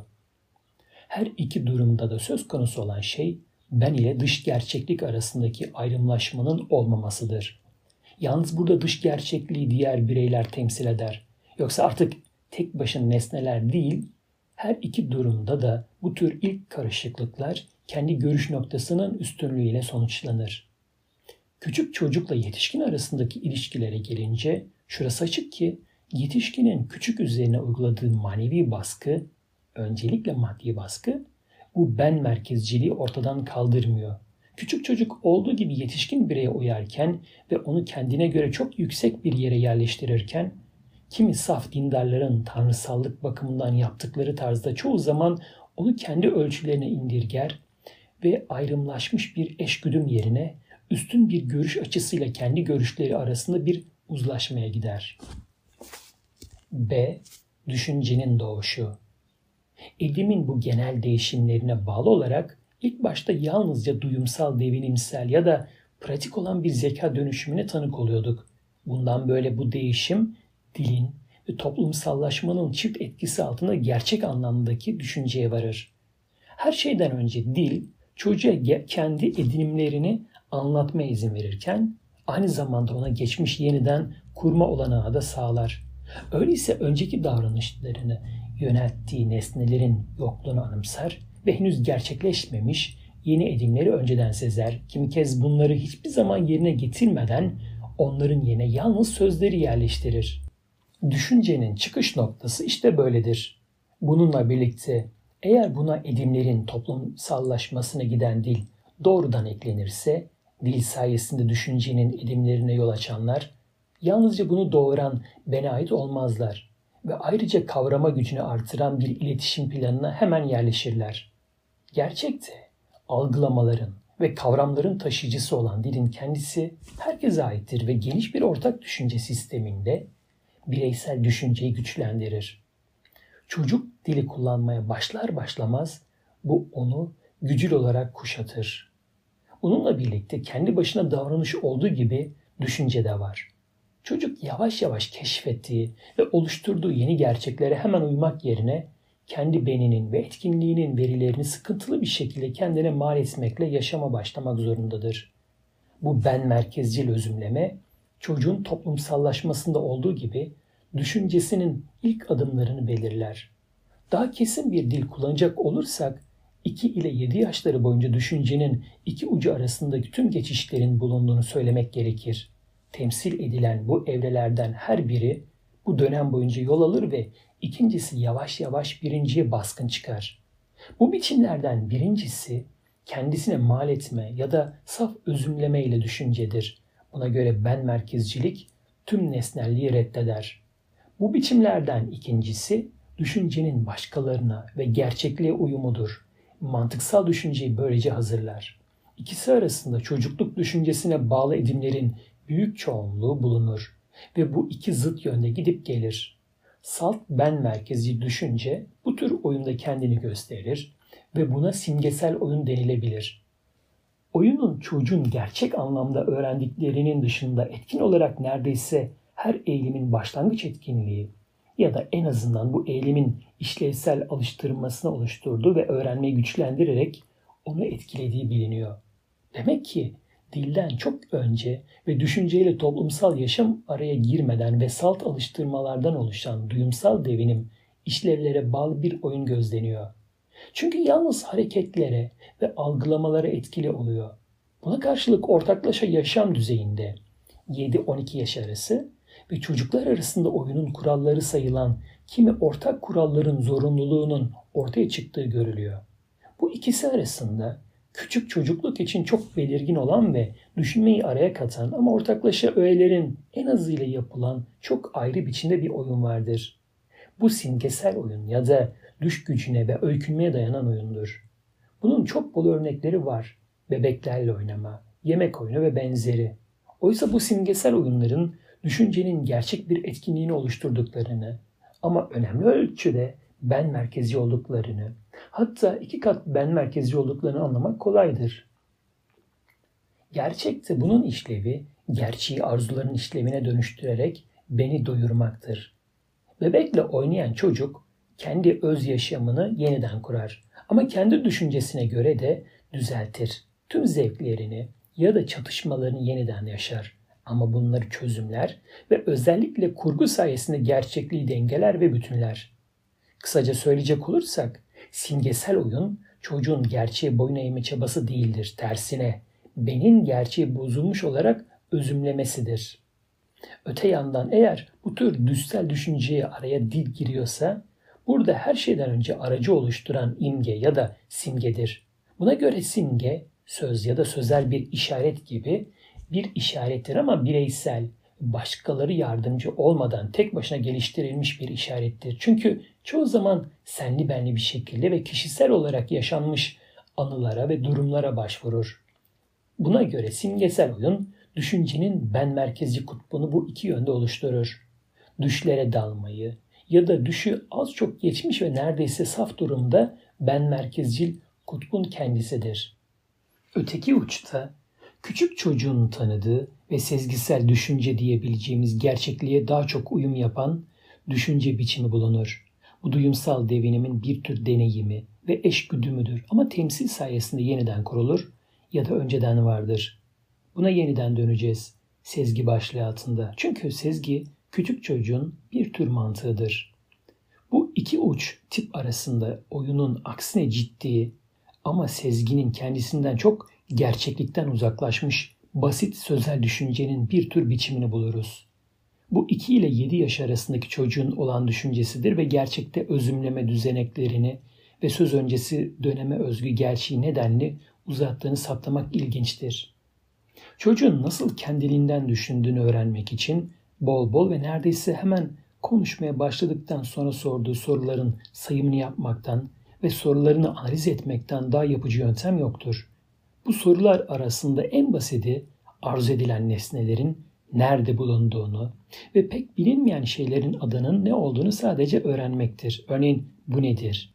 Bununla birlikte 3 yaşından başlayarak çoğu zaman daha önce bile 7 yaşına doğru çoğulan bir önemli sorular biçimi ortaya çıkar. Küçüklerin şu ünlü niçin sorularına kimi kez yetişkinler güçlükle yanıt verirler. Sorunun genel anlamı nedir? Yetişkinler de niçin sözünün birbirinden ayrı iki anlamı olabilir. Amaç, niçin bu yoldan gidiyorsunuz ya da neden? Cisimler niçin düşerler? Aksine sanki küçük çocukluğun niçinleri birbirinden ayrılmamış ve amaçlı neden arasında ama her zaman biri diğerini içerecek şekliyle her şey olup biter. Örneğin 6 yaşındaki bir çocuk kendisiyle ilgilenen birisine hafifçe ilk bir yerde bilyeden söz ederken eğimin öteki ucunda bulunan insanı da göstererek bilye neden yuvarlanıyor diye sorar. Bunun üzerine ona şu yanıt verilir. Çünkü yer eğri. Bu yalnızca nedensel bir yanıttır ama bu yanıt çocuğa yetmez ve ikinci soruyu ekler. Bilye sizin orada olduğunuzu biliyor mu? Herhalde bu tepkiyi sözcük anlamına göre değerlendirmemek gerekir. Gerçi daha sonra göreceğimiz gibi bir tür çocuk animizmi var olmasına karşın çocuk bilyeye insan bilinci yüklemiyor ve bu bu denli kaba bir insan biçimcilik olarak yorumlanmamalıdır. Bununla birlikte mekanik açıklamada çocuğu doyurmaz. Çünkü zorunlu olarak bir amaca doğru yönelmiş bir hareketi temsil eder. Buna göre belli belirsiz bir eğilim ve yönelim taşır. Demek ki bu çocuk bilginin aynı zamanda nedensel ve amaçsal hareketini öğrenmek istemektedir. Ve bu nedenle bu örnek ilk niçinleri çok iyi temsil eder. Bunun ötesinde çoğu zaman çocuğun niçinlerini yetişkinin bilincinde anlaşılmaz yapan ve bizden bir aydınlanma bekleyen küçükleri doyuracak şekilde yanıtın güçlüklerini açıklayan nedenlerden birisi olaylar üzerine yönelen bu tür soruların önemli bir parçasının rastlantısal olduğu için niçinleri açıkça içermemesinden ileri gelir. Böylece 6 yaşındaki bilyenin hareketi karşısında tepkisini gördüğümüz aynı çocuk Zermat'ın üzerinde iki serbin yokken Cenevre'nin üzerinde iki salebin bulunmasına şaşar ve sorar. Niçin iki salev? Başka bir gün yine soruyor. Cenevre Gölü niçin Börne değini ulaşmıyor? Bu tuhaf soruları nasıl yorumlayacağımızı pek iyi bilmeden biz de aynı yaşta diğer çocuklar nasıl yanıt verirlerdi diye onların arkadaşlarına sorarız. Onlar için yanıtın hiçbir güçlüğü yok. Büyük insanlar ve büyük gezintiler için bir büyük salebe var. Çocuklar ve küçük yürüyüşler için de bir tane küçük salebe var. Eğer Cenevre Gölü Börne değin ulaşmıyorsa demek ki her iki ilin bir gölü olmalıdır. Başka türlü söyleyecek olursak doğada rastlantısal bir şey yoktur. Çünkü her şey insan varlığının merkezinde bulunduğu bir yerleşik plana ve akla göre insanlar ve çocuklar için yapılmıştır. Demek ki niçin ile aradığı şeylerin varlık nedenidir. Diğer bir deyişle aynı zamanda nedensel ve erekseldir. Bu açıkça böyledir çünkü çocuğun karşılaştığı rastlantısal olayların ve onlarla ilgili sorduğu soruların hepsinin bir nedeni olmalıdır. Sözün kısası, küçük çocuğun sorularını ortaya koyuşunun analiz tarzı bile pratik evrenin örgütlenmesinin karşıtı olarak dünyanın kendisinin bu yeni alanda, bu küçük çocuğun düşüncesinin yine de ben merkezcil olduğunu doğrudan ve açıkça ortaya koyuyor. Demek ki her şey, pratik şemalar yeni bir plan üzerine aktarılmış ve gördüğümüz gibi yalnız elekçi olarak değil, ayrıca sonraki biçimlerde de sürüyor gibi geçiyor. Çocuğun animizmi şeyleri canlıymış ve bir amaç taşıyormuş gibi kavrama eğilimindedir.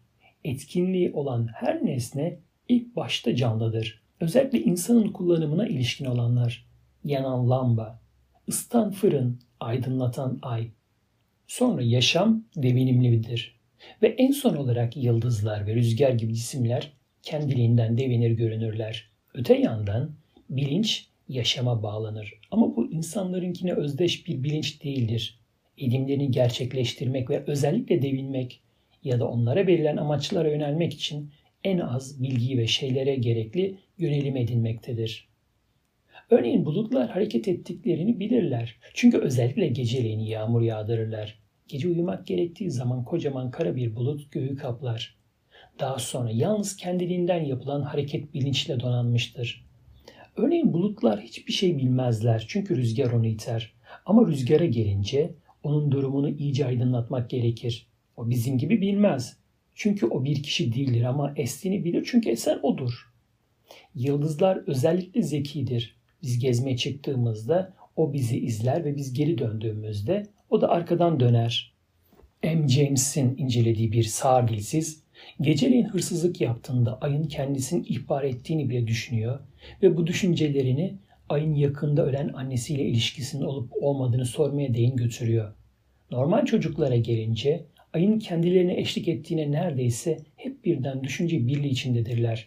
Bu ben merkezcilik birbirlerine göre ters yönde gezmeye çıkanlar karşısında ayın ne yapması gerektiğini düşünmelerine engel olur. 7 yaşından sonra düşünce yön değiştirir. Ayın yuvarlaklığı bizi izlediği zaman hareketlerinin yalnız bir görünüş olduğu görüşüne varmak için bu soru yeterlidir.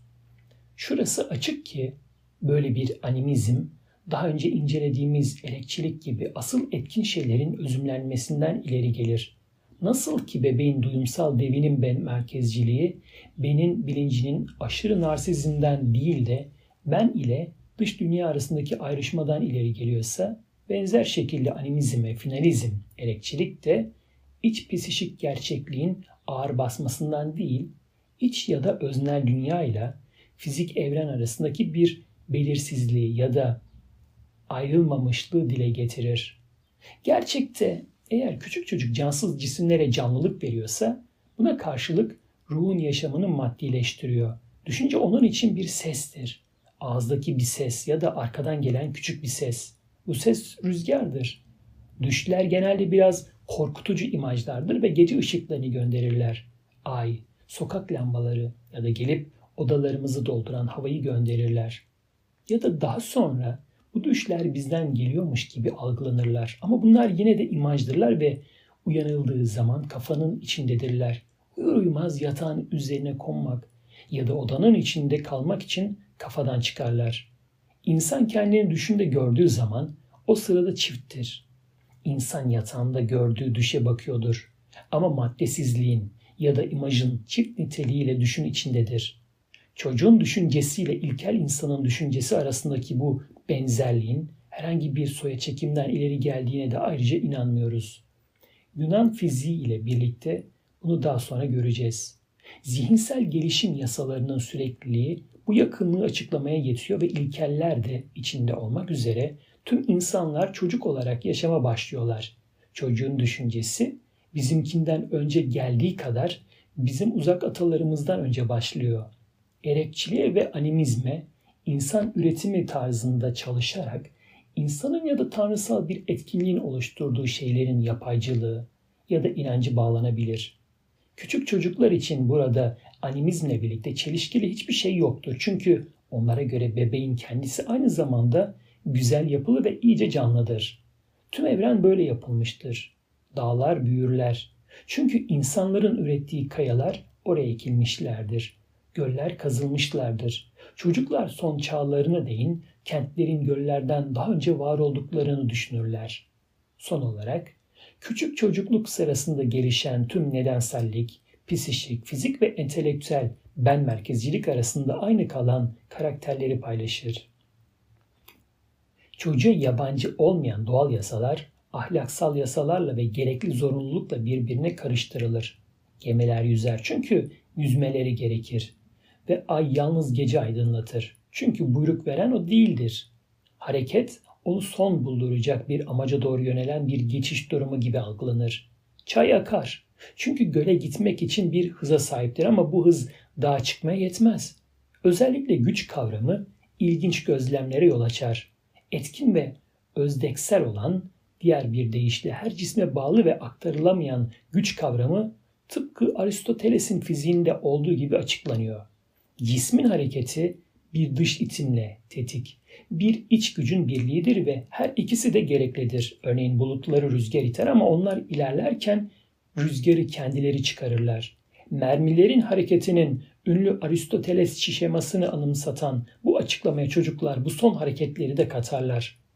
Elle fırlatılan bir bilye eğer hemen yere düşmüyorsa demek ki elin hareketiyle oluşan hava onu itiyor ve bilye devinirken kendi arkasına doğru hava yetiyor. Benzer şekilde akarsularda üzerlerinden geçtikleri taşlardan hız alarak hareket ederler ve benzeri. Bütün olarak göz önüne getirildiğinde oluşmaya başlayan bu düşüncenin kendi içinde ve çeşitli dışa vurumları arasında nedenli tutarlı olduğu görülüyor. Bu dışa vurumlar asıl etkinliğe göre gerçekliğin bozulmuş olarak özümlenmesinden ileri geliyorlar. Hareketlerin kendileri böyle yönlendirildikleri için bir amaca doğru yöneliyorlar. Güç etkin ve özdekseldir. Çünkü kas gücü de böyledir. Gerçeklik canlı ve diridir. Doğal yasalar buna boyun eğerler. Sözün kısası her şey benim modeline öykünür. Bu ben merkezci özümleme şemaları simgesel oyunlarda kendini gösterir ve böylece yine de sözel düşünceye egemen olurlar ama kimi deneysel durumlarda daha kesin uyumlara elverişli olmazlar mı? Sezgisel düzeneklerin gelişimi konusunda şimdi göreceklerimiz işte bunlar olacaklar. C. Sezgi Çocuğun düşüncesinde göze çarpan bir şey var. Konu her zaman onaylanıyor ama hiçbir zaman saptanamıyor. Bu kanıt yetersizliğinin bu yaştaki davranışın toplumsal karakterlerinden doğal olarak ileri geldiğini, diğer bir deyişle ben merkezciliğin kendi görüşüyle başkalarının görüşü arasında bir ayrımlaşmanın olmadığını ayrıca söyleyelim. Gerçekte başkalarına karşı kanıt arama eğilimindeyizdir. Oysa başkaları bize karşı çıkışlar üzerine tartışmayı öğretmeden önce ve bir düşünce olan iç tartışma biçimi altında böyle bir davranışı içe mal etmeden önce insan her zaman hemen kendine inanır. 7 yaşının altındaki çocuklara soru yönelttiğimiz zaman kanıtlarının azlığı, onayladıklarının gerekçelerini göstermedeki yetersizlikleri hatta buna nasıl yöneldiklerini anımsama yoluyla kanıtlamakta bile güçlük çekerler. Benzer şekilde 4 ile 7 yaş arasındaki çocuklar kullandıkları kavramları tanımlamayı bilmezler ve elekçilikle haklı çıkma güçlüğünün çift etkisi altında uygun düşen nesneleri işaret etmekle ya da kullanımlarına göre tanımlamakta yetinirler. Bu yaştaki çocuğun henüz sözsel olmadığı ve onun gerçek alanının eylem ve el kullanma olduğu hiç kuşkusuz söylenebilir. Bu gerçek ama bu alanda da daha çok mantıklı mıdır? İki durumu birbirinden ayırıyoruz. Tam anlamıyla pratik, zeka durumu ve bilgiye yönelen ama deneysel alanda kalan düşünce durumu. Bir yandan 2 ile uzayarak 7 yaş arasında önemli bir rol oynayan pratik bir zeka ile konuşma öncesi ve hazırlık döneminin duyumsal devinim zekası. Öte yandan yetişkinlik çağına değin gelişen teknik kavramlar vardır. Doğmakta olan bu pratik zeka iyi hazırlanmış araçlarla çok incelendi. Çeşitli araçların aracılığıyla bu amaçlara ulaşılıyor. Çubuklar, çengeller, elektrik ya da zil düğmeleri ve benzeri. Ve çocuğun çoğu zaman sözden çok edimde daha ileri olduğu gerçekten saptandı. Ama yine bu aynı pratik alanda her türlü ilkel davranışlar da bulundu. Bunlar eş düzeydeki düşüncede gözlenmiş olan mantık öncesi davranışların edimlerini anımsatırlar. Sözsel değil de deneyimsel analizleri yerinde yapmayı araştırırken gelişmenin bu dönemdeki düşüncenin kendisine dönelim. Çocuk bir materyali kullanarak kesin deneyimler karşısında nasıl davransın ki her onaylama olguların doğrudan ilişkisiyle denetilebilsin? Mantıksal olarak mı düşünecektir yoksa özümleme şemaları, yapıla gelen deneylerde elinden geldiğince uyumu sağlarken ben merkezciliğin bir bölümünü koruyacaklar mıdır? Çok sayıda yapılan olguların analizleri kesinlik gösteriyor. Çocuk 7 yaşına değin ön mantıksal kalıyor ve mantığı sezgi düzeneğiyle bütünlüyor. Temsile dayalı imajın ve zihinsel deneyimlerin biçimi altında algıların ve hareketlerin basitçe içe mal edilmesi gerçek anlamda ussal bir eşgüdüm olmaksızın böylece duyumsal devinim şemalarını uzatıyor. Somut bir örnekten hareket edelim. Çocuklara küçük aralıklarla dizilmiş 6 ya da 8 mavi jeton verelim ve başka hazır bir küme içinde bir o kadar kırmızı jeton bulmalarını isteyelim. Ortalama 4 ya da 5 yaşına değin çocuklar mavi jetonlarla aynı uzunlukta bir sıra kırmızı jetonu dizeceklerdir. Ama öğelerin sayılarıyla ilgilenmeden ve her mavi jetona karşılık tam olarak bir kırmızı jeton da aramadan.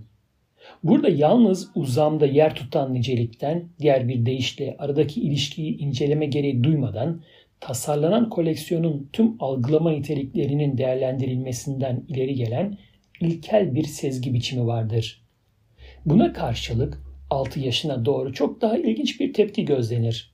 Çocuk her mavi jetona bakarak kırmızı bir jeton koyar ve bu öğe uygunluktan her iki koleksiyonun eşitliği sonucuna varır.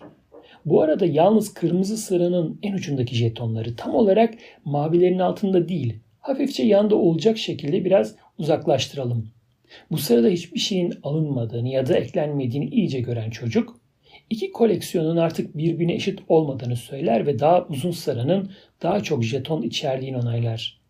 Ayrıca sıralardan birisini ötekine dokunmadan sadece bir torbanın içine koyacak olursak iki koleksiyonun eşitliği daha da bozulur. Sözün kısası görsel uygunluk olduğu sürece bir eşitlik vardır ama bu eşitlik mantıksal uygunluğu korumaz. Demek ki burada usa uygun bir işlem yok ama basit bir sezgi vardır. Burada bütünlük değil, tek tek bir sezgi vardır. Ama yine de sezgisel kalır. Diğer bir deyişle algılamanın önceliği ağır basar. Bu tür sezgiler neden ileri gelir? Başka iki örnek bize bunu anlatacaktır. 1. Bir boru içinde hareket eden ve birbirinden ayrı renklerde üç tane ABC bilyeleri olsun. Küçük çocuklar bunların ABC sırasına göre gittiklerini görerek bu borunun öteki ucundan da aynı sırayla çıkacaklarını bekler. Demek ki sezgi yerindedir. Peki eğer boru geri dönüş yönünde eğilirse CBA sırasını beklemeyen en küçükler bunun böyle gerçekleştiğini görünce iyice şaşırırlar. Artık birbirleriyle ilintili bir sezgiyle öngörmeyi öğrendikleri zaman boruya yan dönme hareketi verilir ve bundan böyle CBA ve dönüşün de ABC olacağı anlaşılır. Oysa bu durumu anlamamakla kalmıyorlar. Ayrıca borunun ucunda bir A'nın bir C'nin çıktığını görerek bundan sonra ortadaki B bilyesinin önce çıkacağını bekliyorlar. 2. İki araba ya da motosiklet aynı yolda ve aynı yönde gidiyorlar ve biri diğerini geçiyor. Her yaştaki çocuk öne geçenin daha hızlı olduğu sonucuna varıyor. Ama eğer birinci ikinciye göre daha uzun bir yol alıyorsa ve ona ulaşamıyorsa ya da tam ters yönde gidiyorsa ya da eş merkezli ama biri diğerine göre daha büyük bir çember üzerinde yol alıyorsa alınan yollar arasındaki uzaklık çok büyük olsa bile çocuk bu hızlardaki eşitsizliği anlamıyor. Buna göre hızla ilgili sezgi görünürdeki öne geçmeye bağlanıyor ve zamana, aşılan uzaklığa bağlanmıyor. Doğrudan ABC sırasının ya da birbirini geçmenin uzamsal ya da görsel bağlantısının bu ilkel sezgileri neden ileri geliyor? Bunlar sadece algısal şemalar ya da edim şemalarıdır. Demek ki duyumsal devinim şemalarıdır. Ama temsili olarak yer değiştirmiş ya da içe, bene mal edilmiştir. Bunlar gerçekliğin imgeleri ya da benzetmesidir. Gerçek deneyimle zihinsel deneyimin yarı yolu üzerindedir. Bunlar henüz genelleştirilebilir mantıksal işlemler ve kendi aralarında düzenlenebilir değildir. Peki bu sezgilerin işlemsel olması ve böylece mantıksal bir sisteme dönüşmesi için neler eksik? Sadece çocuğun halen bildiği devinir ve tersinler olacak tarzda her iki yöndeki eylemin içine uzaması gerekiyor. Gerçekte ilk sezgilerin özelliği katı ve tersinler olmamasıdır. Bunlar bir tek kitle olarak verilmiş ve alt üst edilemeyen algı şemaları ve alışılmış edimlerle karşılaştırılabilir. Gerçekte tüm alışkanlıklar yön değiştirmez. Örneğin insanlar yazıyı soldan sağa yazarlar. Sağdan sola yazmak için, Araplar için durum bunun tersidir. Yeniden bir alışkanlık kazanmak gerekir. Algılamalar için de durum aynıdır.